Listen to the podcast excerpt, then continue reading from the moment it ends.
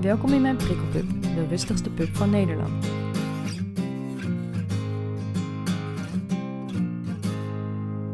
Fijn dat je er bent. Trek vooral je jas uit, neem er een drankje bij en luister naar de verhalen van mijn gasten. In deze podcast neem ik, Brit, jou mee in de wereld van prikkels.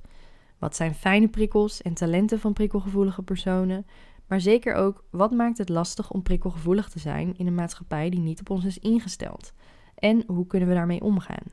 In iedere aflevering ga ik met een nieuwe gast in gesprek over een nieuw thema. Ik maak deze podcast voor iedereen die het gevoel heeft anders te zijn, af te wijken van de norm. Ik hoop dat je begrijpt dat je niet de enige bent.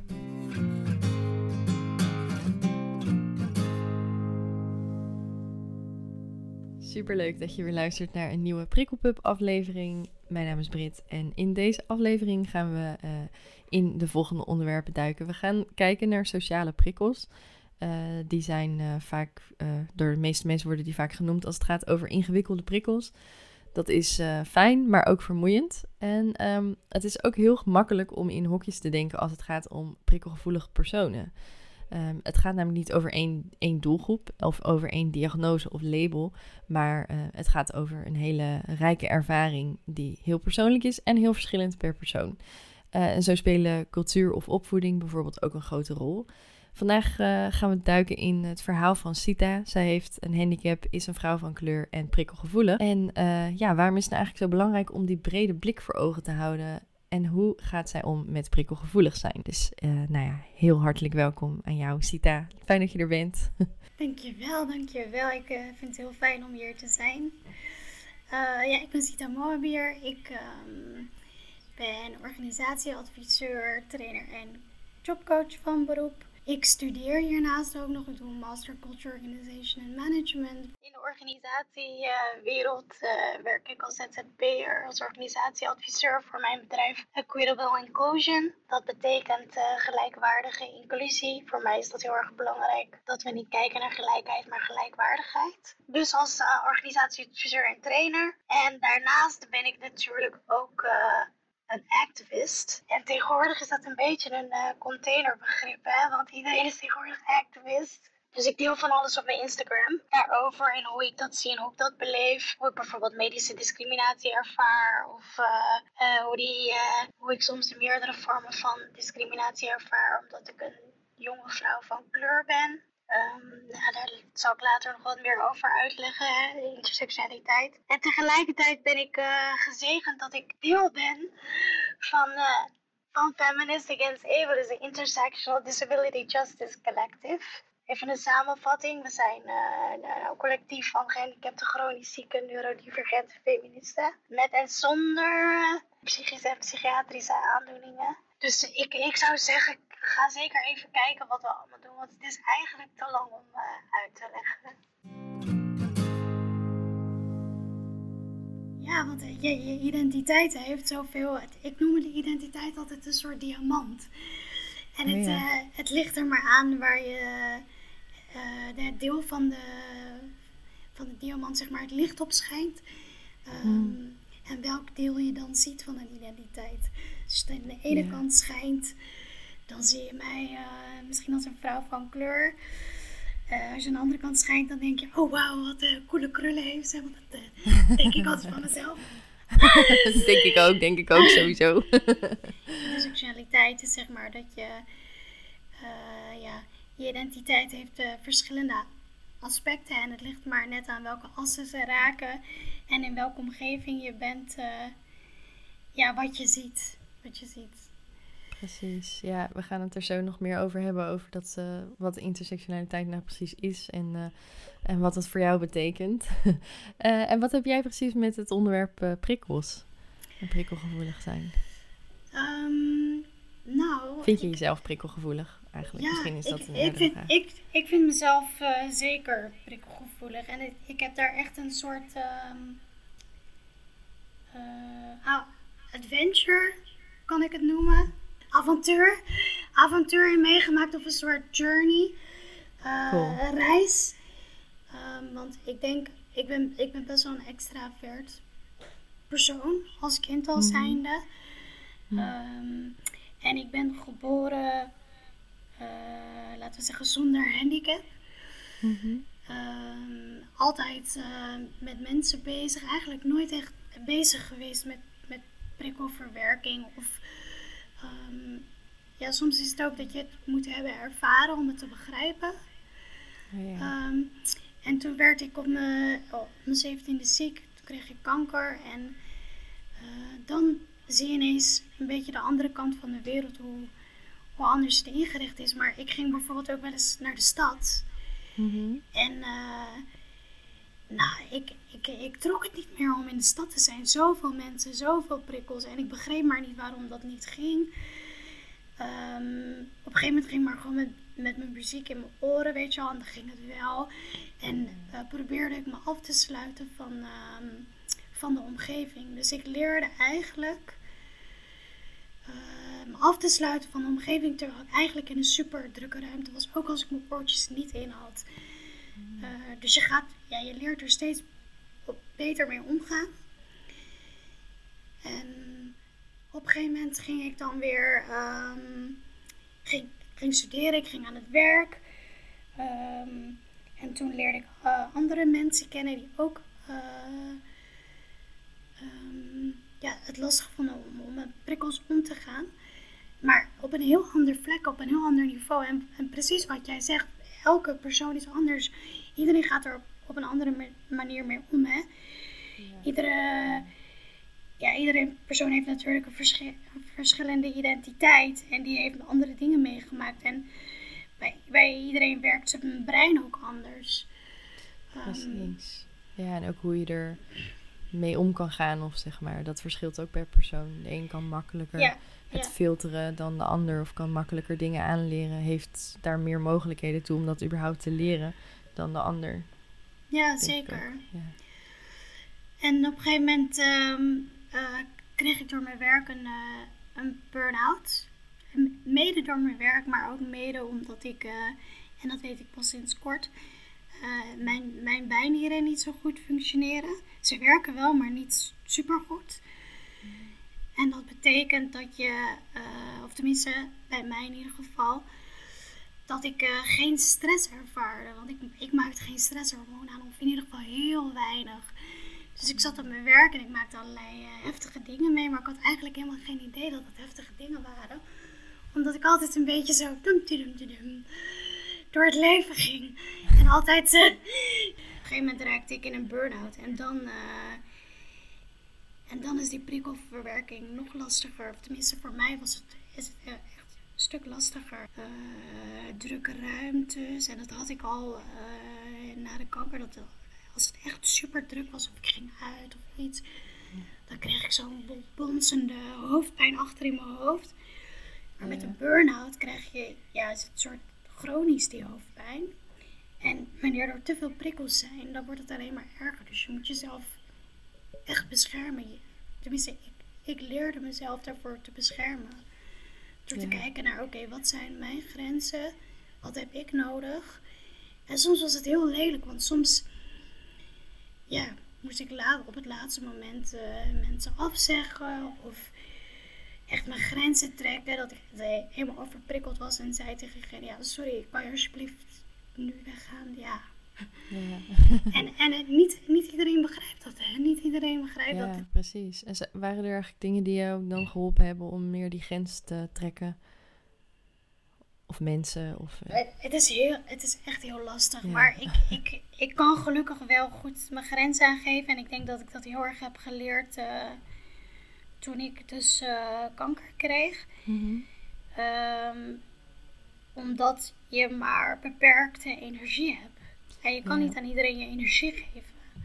Al zou je het willen, weet je wel. Ik bedoel, Mhm. eh, ik, hou, ik, hou, ik ben best een sociaal mens.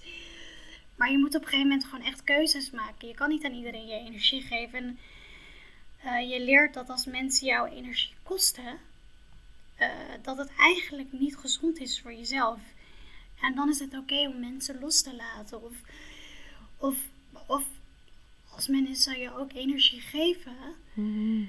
Eh, maar het wordt op een gegeven moment te veel, dan te zeggen: Sorry, ik, ja, ik kan echt maar op, op, eh, kan echt maar een uurtje afspreken. Of uh, ik vind het eigenlijk fijner om eventjes te bellen in plaats van te video bellen. Of, of gewoon af en toe te appen. Of ja, op heel veel verschillende vlakken kan je eigenlijk met mensen communiceren als je dat zou willen. Hè? Want niet iedereen vindt het fijn om sociaal contact te hebben. Precies, ja. Er zijn ook mensen die het uh, veel fijner vinden om gewoon veel alleen te zijn en daar dan weer mee worstelen. Dat ze dat, weet je wel, is het zo van, is dat normaal? Um, en hoe geef ik dat aan, zeg maar? Ja, zeker. En wat, en ik hoor jou zeggen, wat is normaal? Ja, is dat precies. normaal? Maar wat, wat is er normaal? En ja. Ja, als wij kijken naar uh, onze maatschappij, worden we zo geduwd naar een bepaalde, bepaalde norm. Hmm. Hè? We, we, leven in zo'n surf, service-economie met uh, waar, waar, productiviteit, efficiëntie, uh, flexibiliteit. je moet altijd maar paraat staan. Dat dat op de voorgrond gezet wordt. Ja. En, en, we, en we, soms internaliseren we die normen ook. Hè? En dan zeggen we tegen onszelf: ja, maar ik ben niet productief genoeg. Ik heb vandaag niet genoeg gedaan. Of eh, weet ik veel wat. Of ik ben niet sociaal genoeg. Maar hé, hey, wie jij bent is gewoon oké. Precies, ja. En, en, en die zoektocht naar jezelf, ik denk, ja, dat is zo'n reis voor jezelf. Om te zeggen: ik ben oké zoals ik ben. En ik hoef echt niet super sociaal te zijn als ik daar geen zin in heb. Ook al is de norm dat wel dat je, Precies. zeker bij bepaalde bedrijven, iedere week moet gaan borrelen of uh, weet ik het allemaal niet. Ja, als ik één ding geleerd heb van alle podcastgasten die er tot nu toe zijn geweest, dan is het inderdaad ook je eigen pad kiezen. Maar dat is, het is ook echt constant, ik weet niet hoe jij dat ervaart, maar constant jezelf herinneren dat je dat dat, dat, dat oké is wat je doet, zeg maar. Als je weer merkt van, oh, dan ga ik weer, uh, ik voel mezelf weer, nou ja, lui, Lisa, een paar afleveringen geleden. Ik wil van het woord lui af. Maar ja, als jij heel vaak hoort lui, dan gaat dat toch in je hoofd zitten. En dan moet je jezelf blijven herinneren, ik ben niet lui, ik pak mijn rust. en dat is best ja, wel... Precies. Dat is best wel een werkje, vind ik. Ik weet niet hoe jij dat ervaart.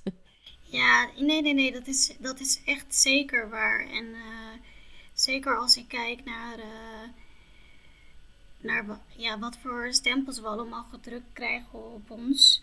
En wat we allemaal moeten, hè, maar ook op, op uh, cultureel vlak. Als ik kijk naar, naar hoe, hoe bepaalde mensen hun kinderen opvoeden en wat ze verwachten van hun kinderen. En uh, hè, dat, dat ze. Het is, niet, het is niet vreemd om te zeggen van binnen de Hindustaanse en Surinaamse cultuur uh, willen ouders graag dat je arts, advocaat of, uh, of engineer wordt. Dat zijn de drie opties. arts, advocaat of engineer.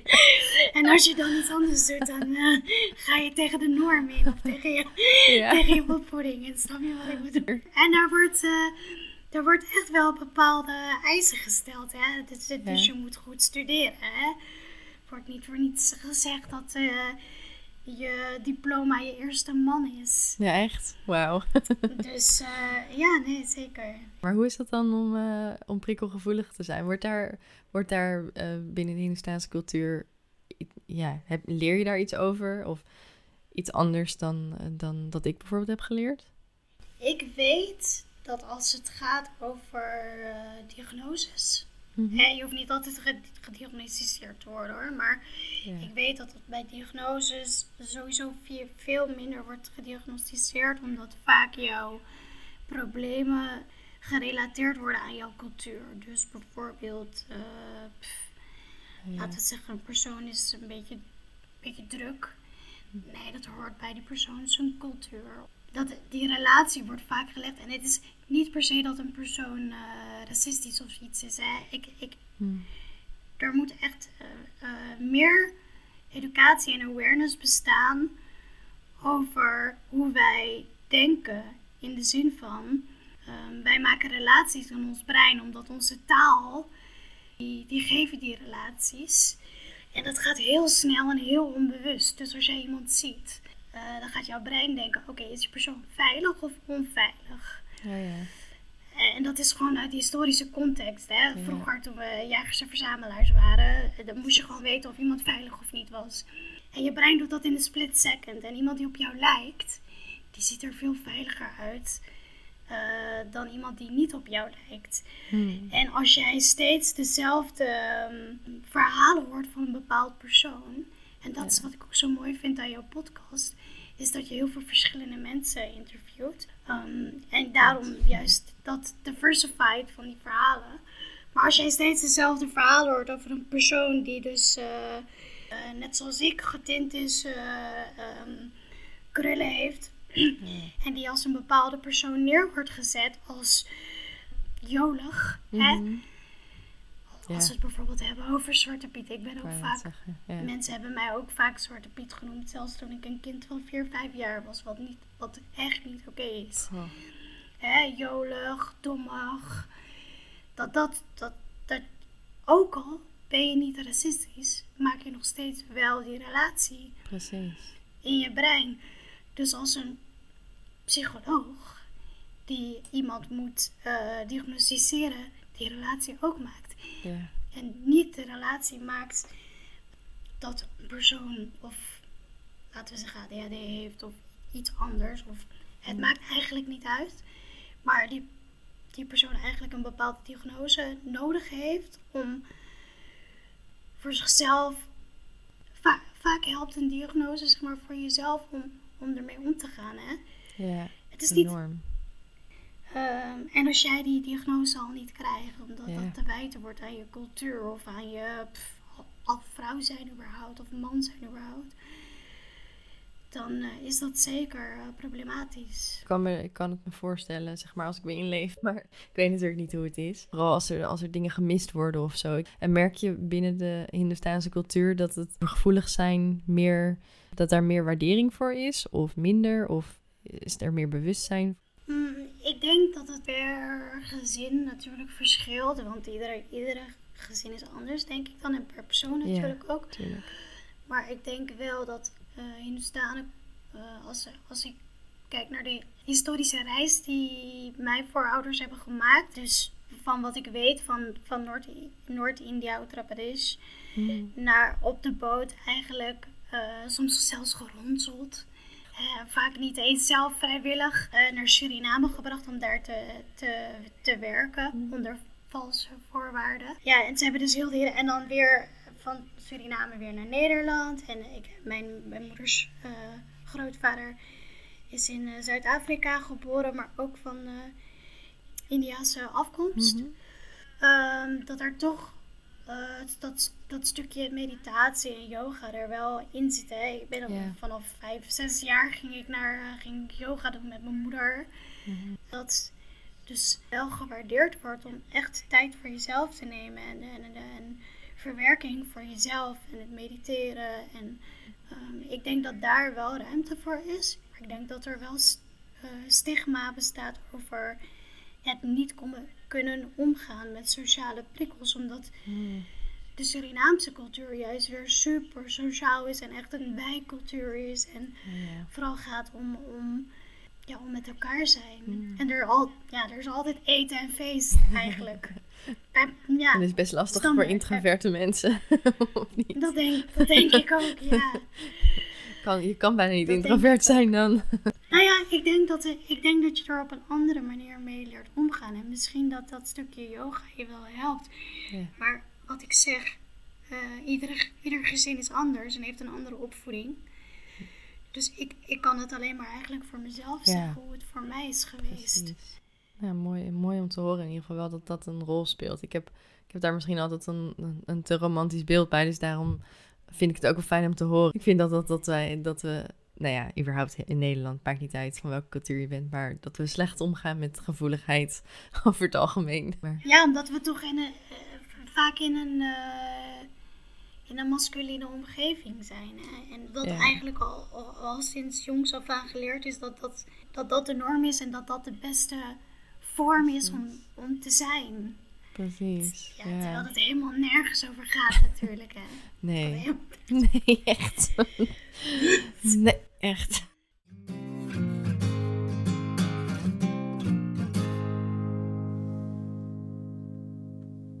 Super leuk dat je naar de podcast aan het luisteren bent. We gaan zo weer verder met de aflevering, maar ik wil je tussendoor eventjes vragen. Mocht je deze podcast een warm hart toedragen, dan zou ik ontzettend blij zijn met een kleine bijdrage via Petje Af.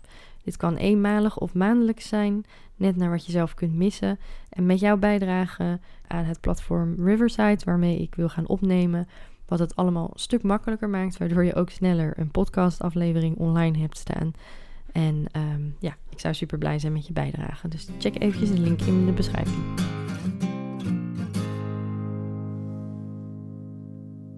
Even iets, uh, iets luchtigs tussendoor. Maar wat, wat vind jij nou eigenlijk een fijne prikkel? Wat is nou iets waarvan jij denkt, oh, dat, dat, daar kan ik echt van genieten? Kleine dingen of uh, grote dingen? Mag allebei. Een fijne prikkel. Ja, nou, ik, ik ja, weet ik niet of dat een fijne prikkel is, maar ik vind... Uh, ik, ik luister graag naar Sublime. Oh ja. En, en de meeste mensen zeggen tegen mij dat dat slaapmuziek is, omdat het een beetje jazzy, jazzy is. jazzy, een beetje R&B, een beetje oh. relaxed muziek. Ja. Uh, maar ik word, daar, ik, word daar, ik word daar heel rustig van en relaxed van.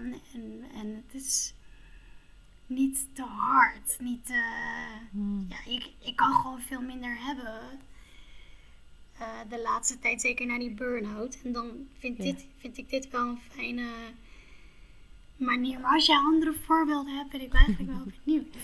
Um, ik had een hele lijst laatst gepubliceerd. Wacht, ik zal ondertussen even kijken of ik die kan vinden. Maar de vorige keer, uh, ik heb de laatste keer opgenomen met, uh, met Lisette. Lieve Lisette heet zij. Ik weet niet of je haar toevallig kent.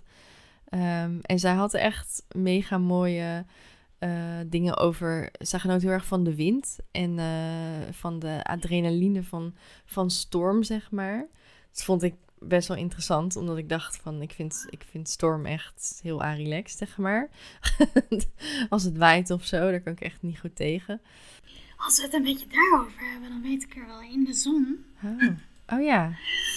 Dat is nog mij, mij ook wel eens sunshine, want ik ben graag daar waar de zon is. Oh ja.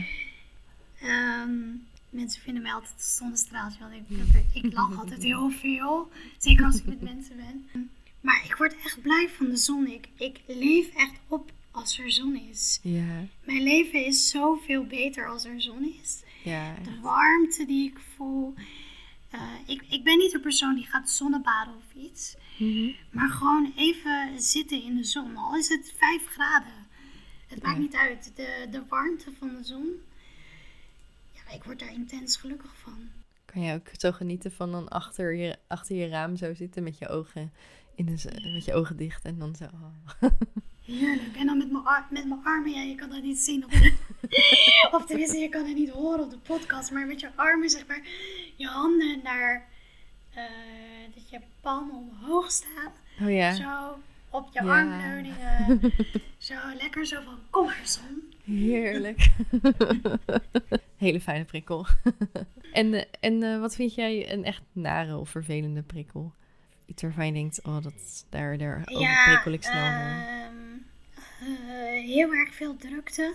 Dat kan ik echt niet hebben. Dan krijg ik echt bonsende hoofdpijn. Heel mm. hard geluid. Oh, ja. Kan ik tegenwoordig ook niet zo goed meer tegen. ik loop heel vaak... Ik heb oordopjes die je eigenlijk niet ziet. Mm -hmm.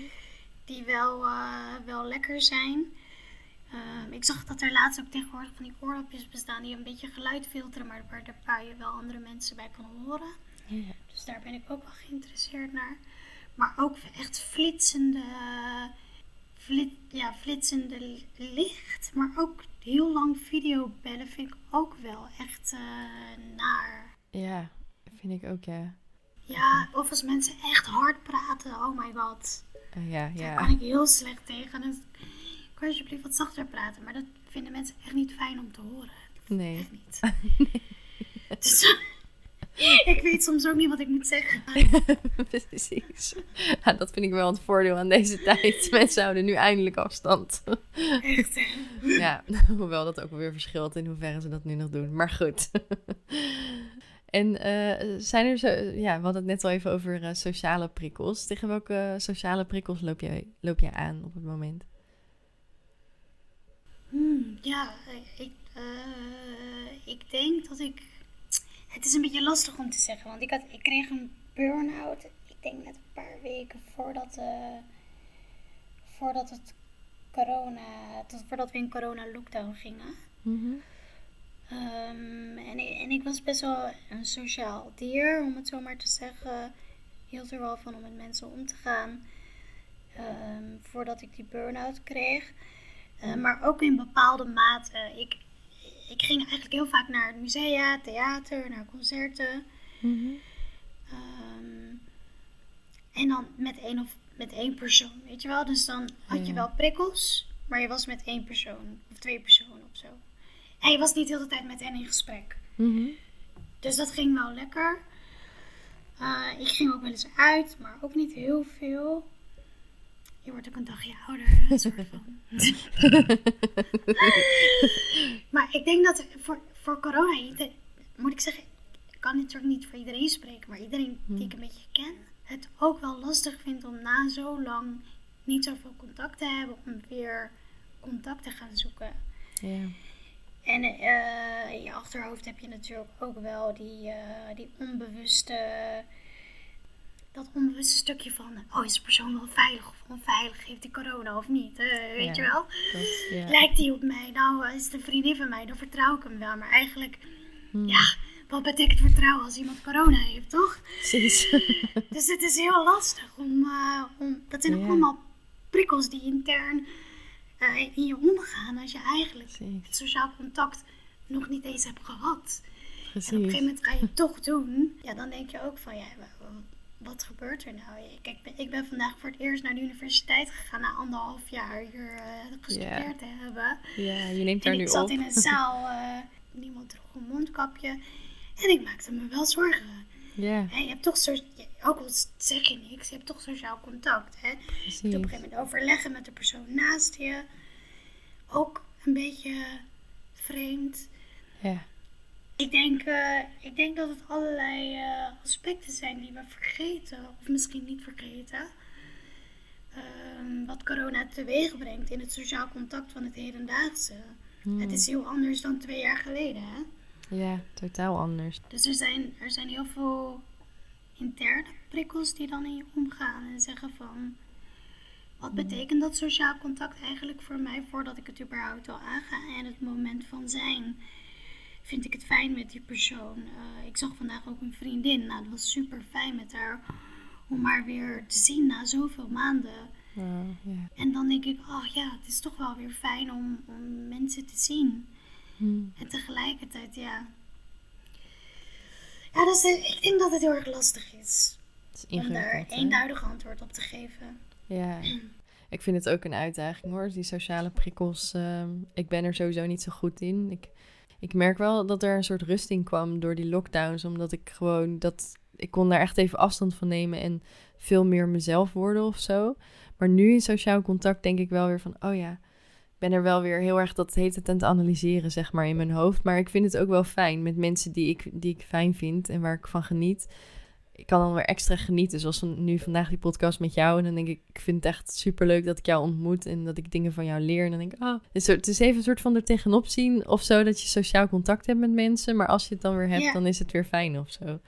Maar ook ingewikkeld. Ja, zeker. Ja, ja en ik, ik vind het ook wel lastig om, om te zeggen van... Ehm, wat je, precies wat jij had, heb ik ook. Hè. Ik vind het super fijn om met jou in gesprek te gaan. Maar ik, ik merk al dat mijn hoofd een beetje achterin begint uh, te irriteren. Oh, ja. Te bonzen. Dat, dat er toch wel veel prikkels zijn. En videobellen en het gesprek aangaan. En nadenken, oké, wat moet ik, uh, wat ga ik zeggen? Weet je wel, ja, je moet veel dingen tegelijk doen natuurlijk. Ja. Maar ik denk dat je daar wel een heel, heel belangrijk aspect uh, benoemt. Weet je wel, het, hoe, hoe, hoeveel je eigenlijk camoufleert als je met een ander in gesprek bent. Ja.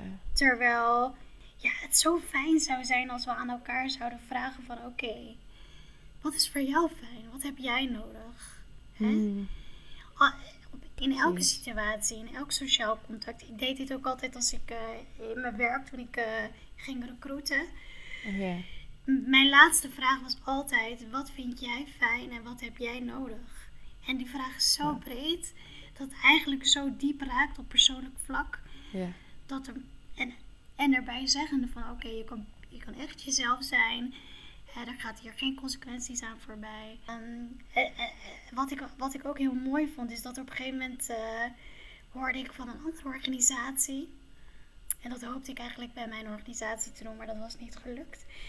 Hey, normaal word je bij elkaar gezet op een afdeling, toch? Mm je zit in een team. Uh, en mensen werden daar bij elkaar gezet op wat heb jij nodig. Dus er was een oh, groep met mensen die het helemaal niet fijn vond om met elkaar te praten. uh, die wel in een kantoortuin zaten, maar wel allemaal met gescheiden hoekjes daarnaast. Uh, zeg maar van die schermen. Het is een soortje soort van in je eigen cocoonetje. En dat waren allemaal mensen die, die dat nodig hadden.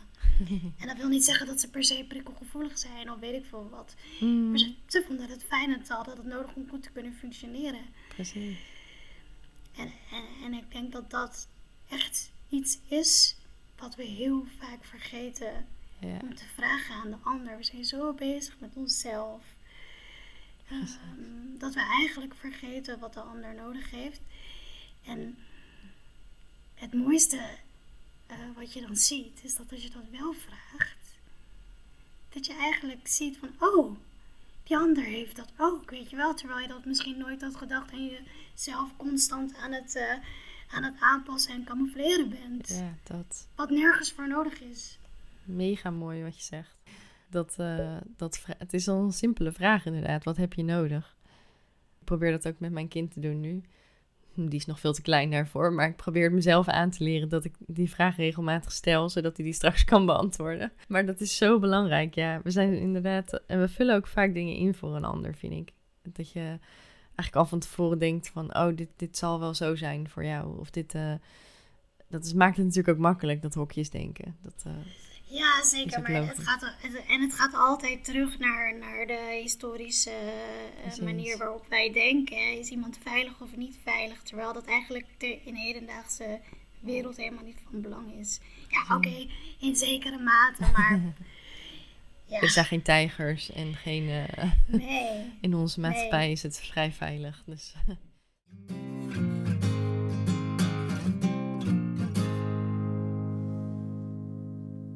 Uh, uh, je had net in het begin had je het even over intersectionaliteit. Wat, hoe zou je dat omschrijven voor, voor de mensen die niet weten wat het is?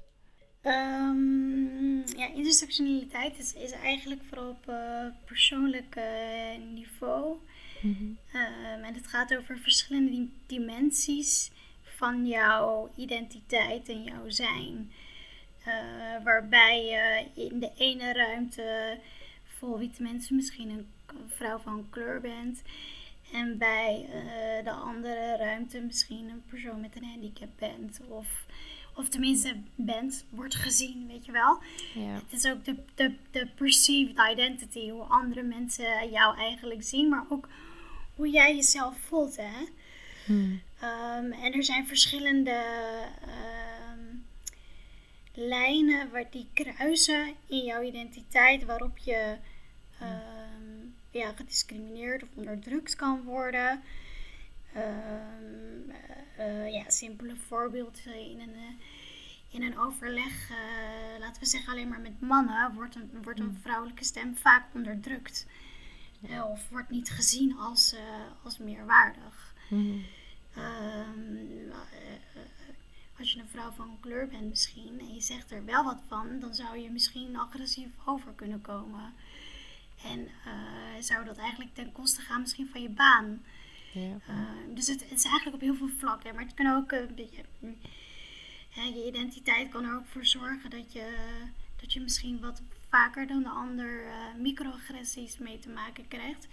En microagressies zijn weer ja, niet hele grote discriminerende dingen waar je maar nou ja, eigenlijk soms heel, eh, heel wel. Mhm. Eh, maar vandaag had ik het toevallig met een uh, vriendin erover die ergens werkte.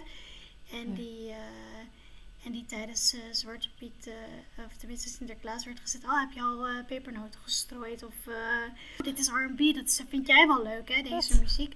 Dat, zijn gewoon, ja, dat zijn gewoon echt heftige microagressies. Ja, ja. ja waarbij, er, waarbij uiteindelijk zij haar proeftijd niet heeft gehaald. En dat ligt niet aan haar werk natuurlijk. Hè. Het ligt mm. totaal niet aan haar werk. Maar het ligt er gewoon, wat, wat de manager zei, je past niet binnen het team. Maar past zij niet binnen het team? Of passen uh, deze mensen niet bij haar? Ja, precies. Misschien een mooiere kant om het even wat uh, po positiever te belichten. En intersectionaliteit, wat ik al zei, de mm. diamant van, van, de, van de identiteit. Mm -hmm. die, die wanneer je er licht op schijnt, weer iets anders ziet.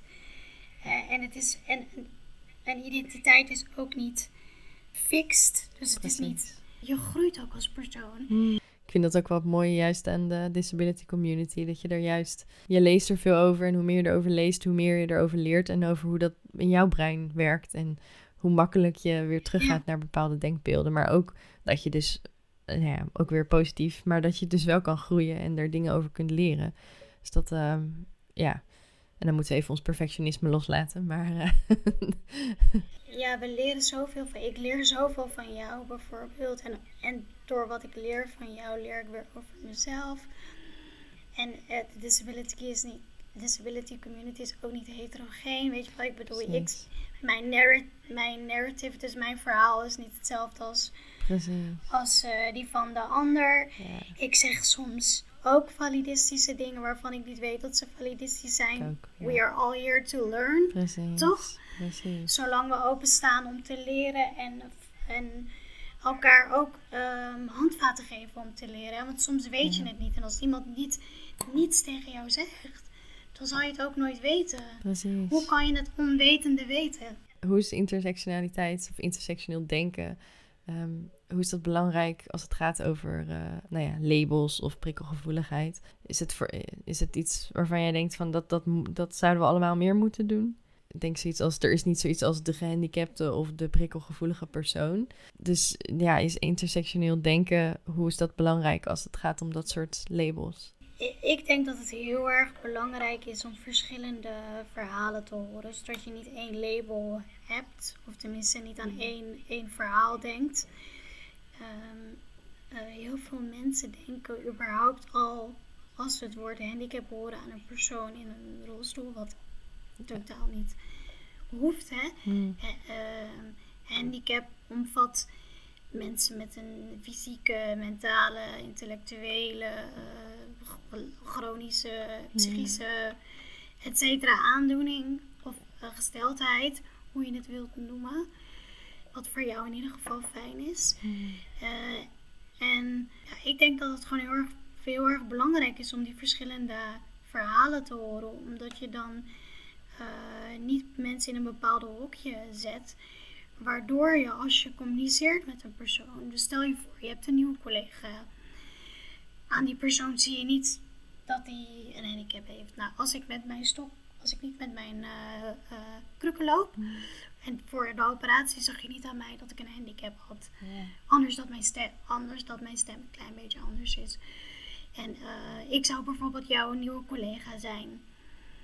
Zou die persoon totaal niet weten uh, ja, dat, ik, dat ik misschien prikkelgevoelig ben. Mm. Hè? En als jij verschillende verhalen hoort, heb je niet bij één bepaalde, één bepaalde stereotype beeld of label. Van een persoon die prikkelgevoelig is. Het is zo belangrijk om open-minded te zijn en nieuwsgierig te zijn aan de ander. En zo, en wat ik zei, weet je, die vraag te stellen: wat vind jij fijn?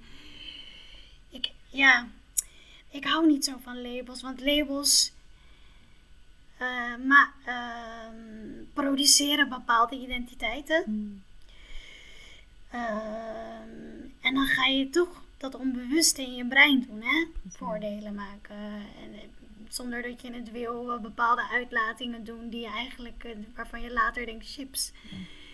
Uh, dat was validistisch of chips, dat was uh, racistisch of seksistisch, zonder dat je het doorhebt. Ja, het gebeurt zo snel. Ik de, misschien te veel side note dit, maar ik, ik, ik, las laatst dat je als kind al in de, als je in de eerste 30 dagen um, niet heel veel diversiteit ziet in gezichten, zeg maar dan is je brein daar al op ingesteld, zeg maar.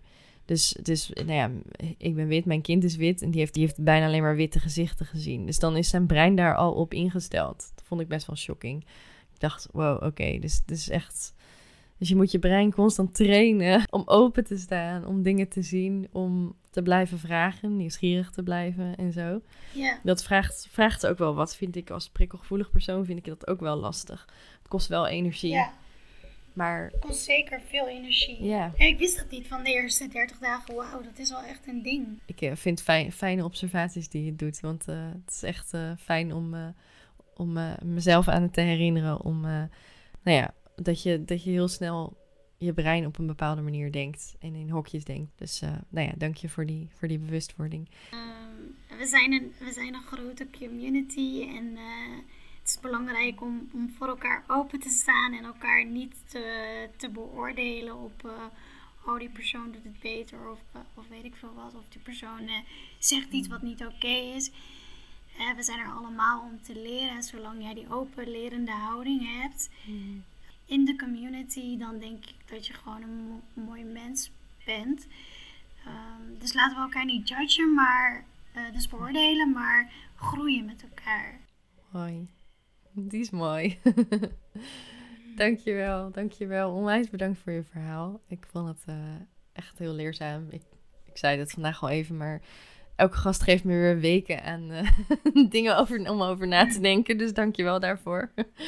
En eh dankjewel als je geluisterd hebt naar deze podcast. Ik ben weer ontzettend benieuwd naar eh, ehm, wat je hebt ge- gevonden van deze aflevering. Of jij nog bepaalde reflecties of inzichten hebt. Laat me dan vooral eventjes weten op eh, social media. Ik zal eventjes linkjes naar Sita plaatsen. Dan kun je ook eventjes haar volgen en kijken wat zij, wat zij zoal te delen heeft. Dankjewel voor het luisteren en tot in de volgende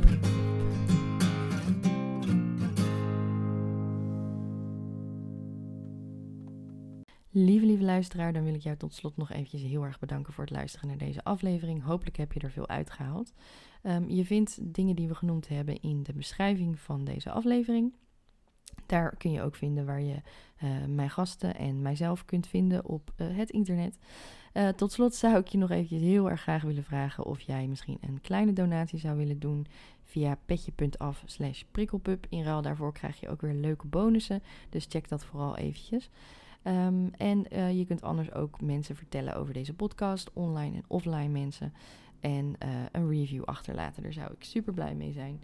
En dan zie ik je hopelijk volgende keer weer in de prikkelpub en drinken we gezellig samen een Guinness.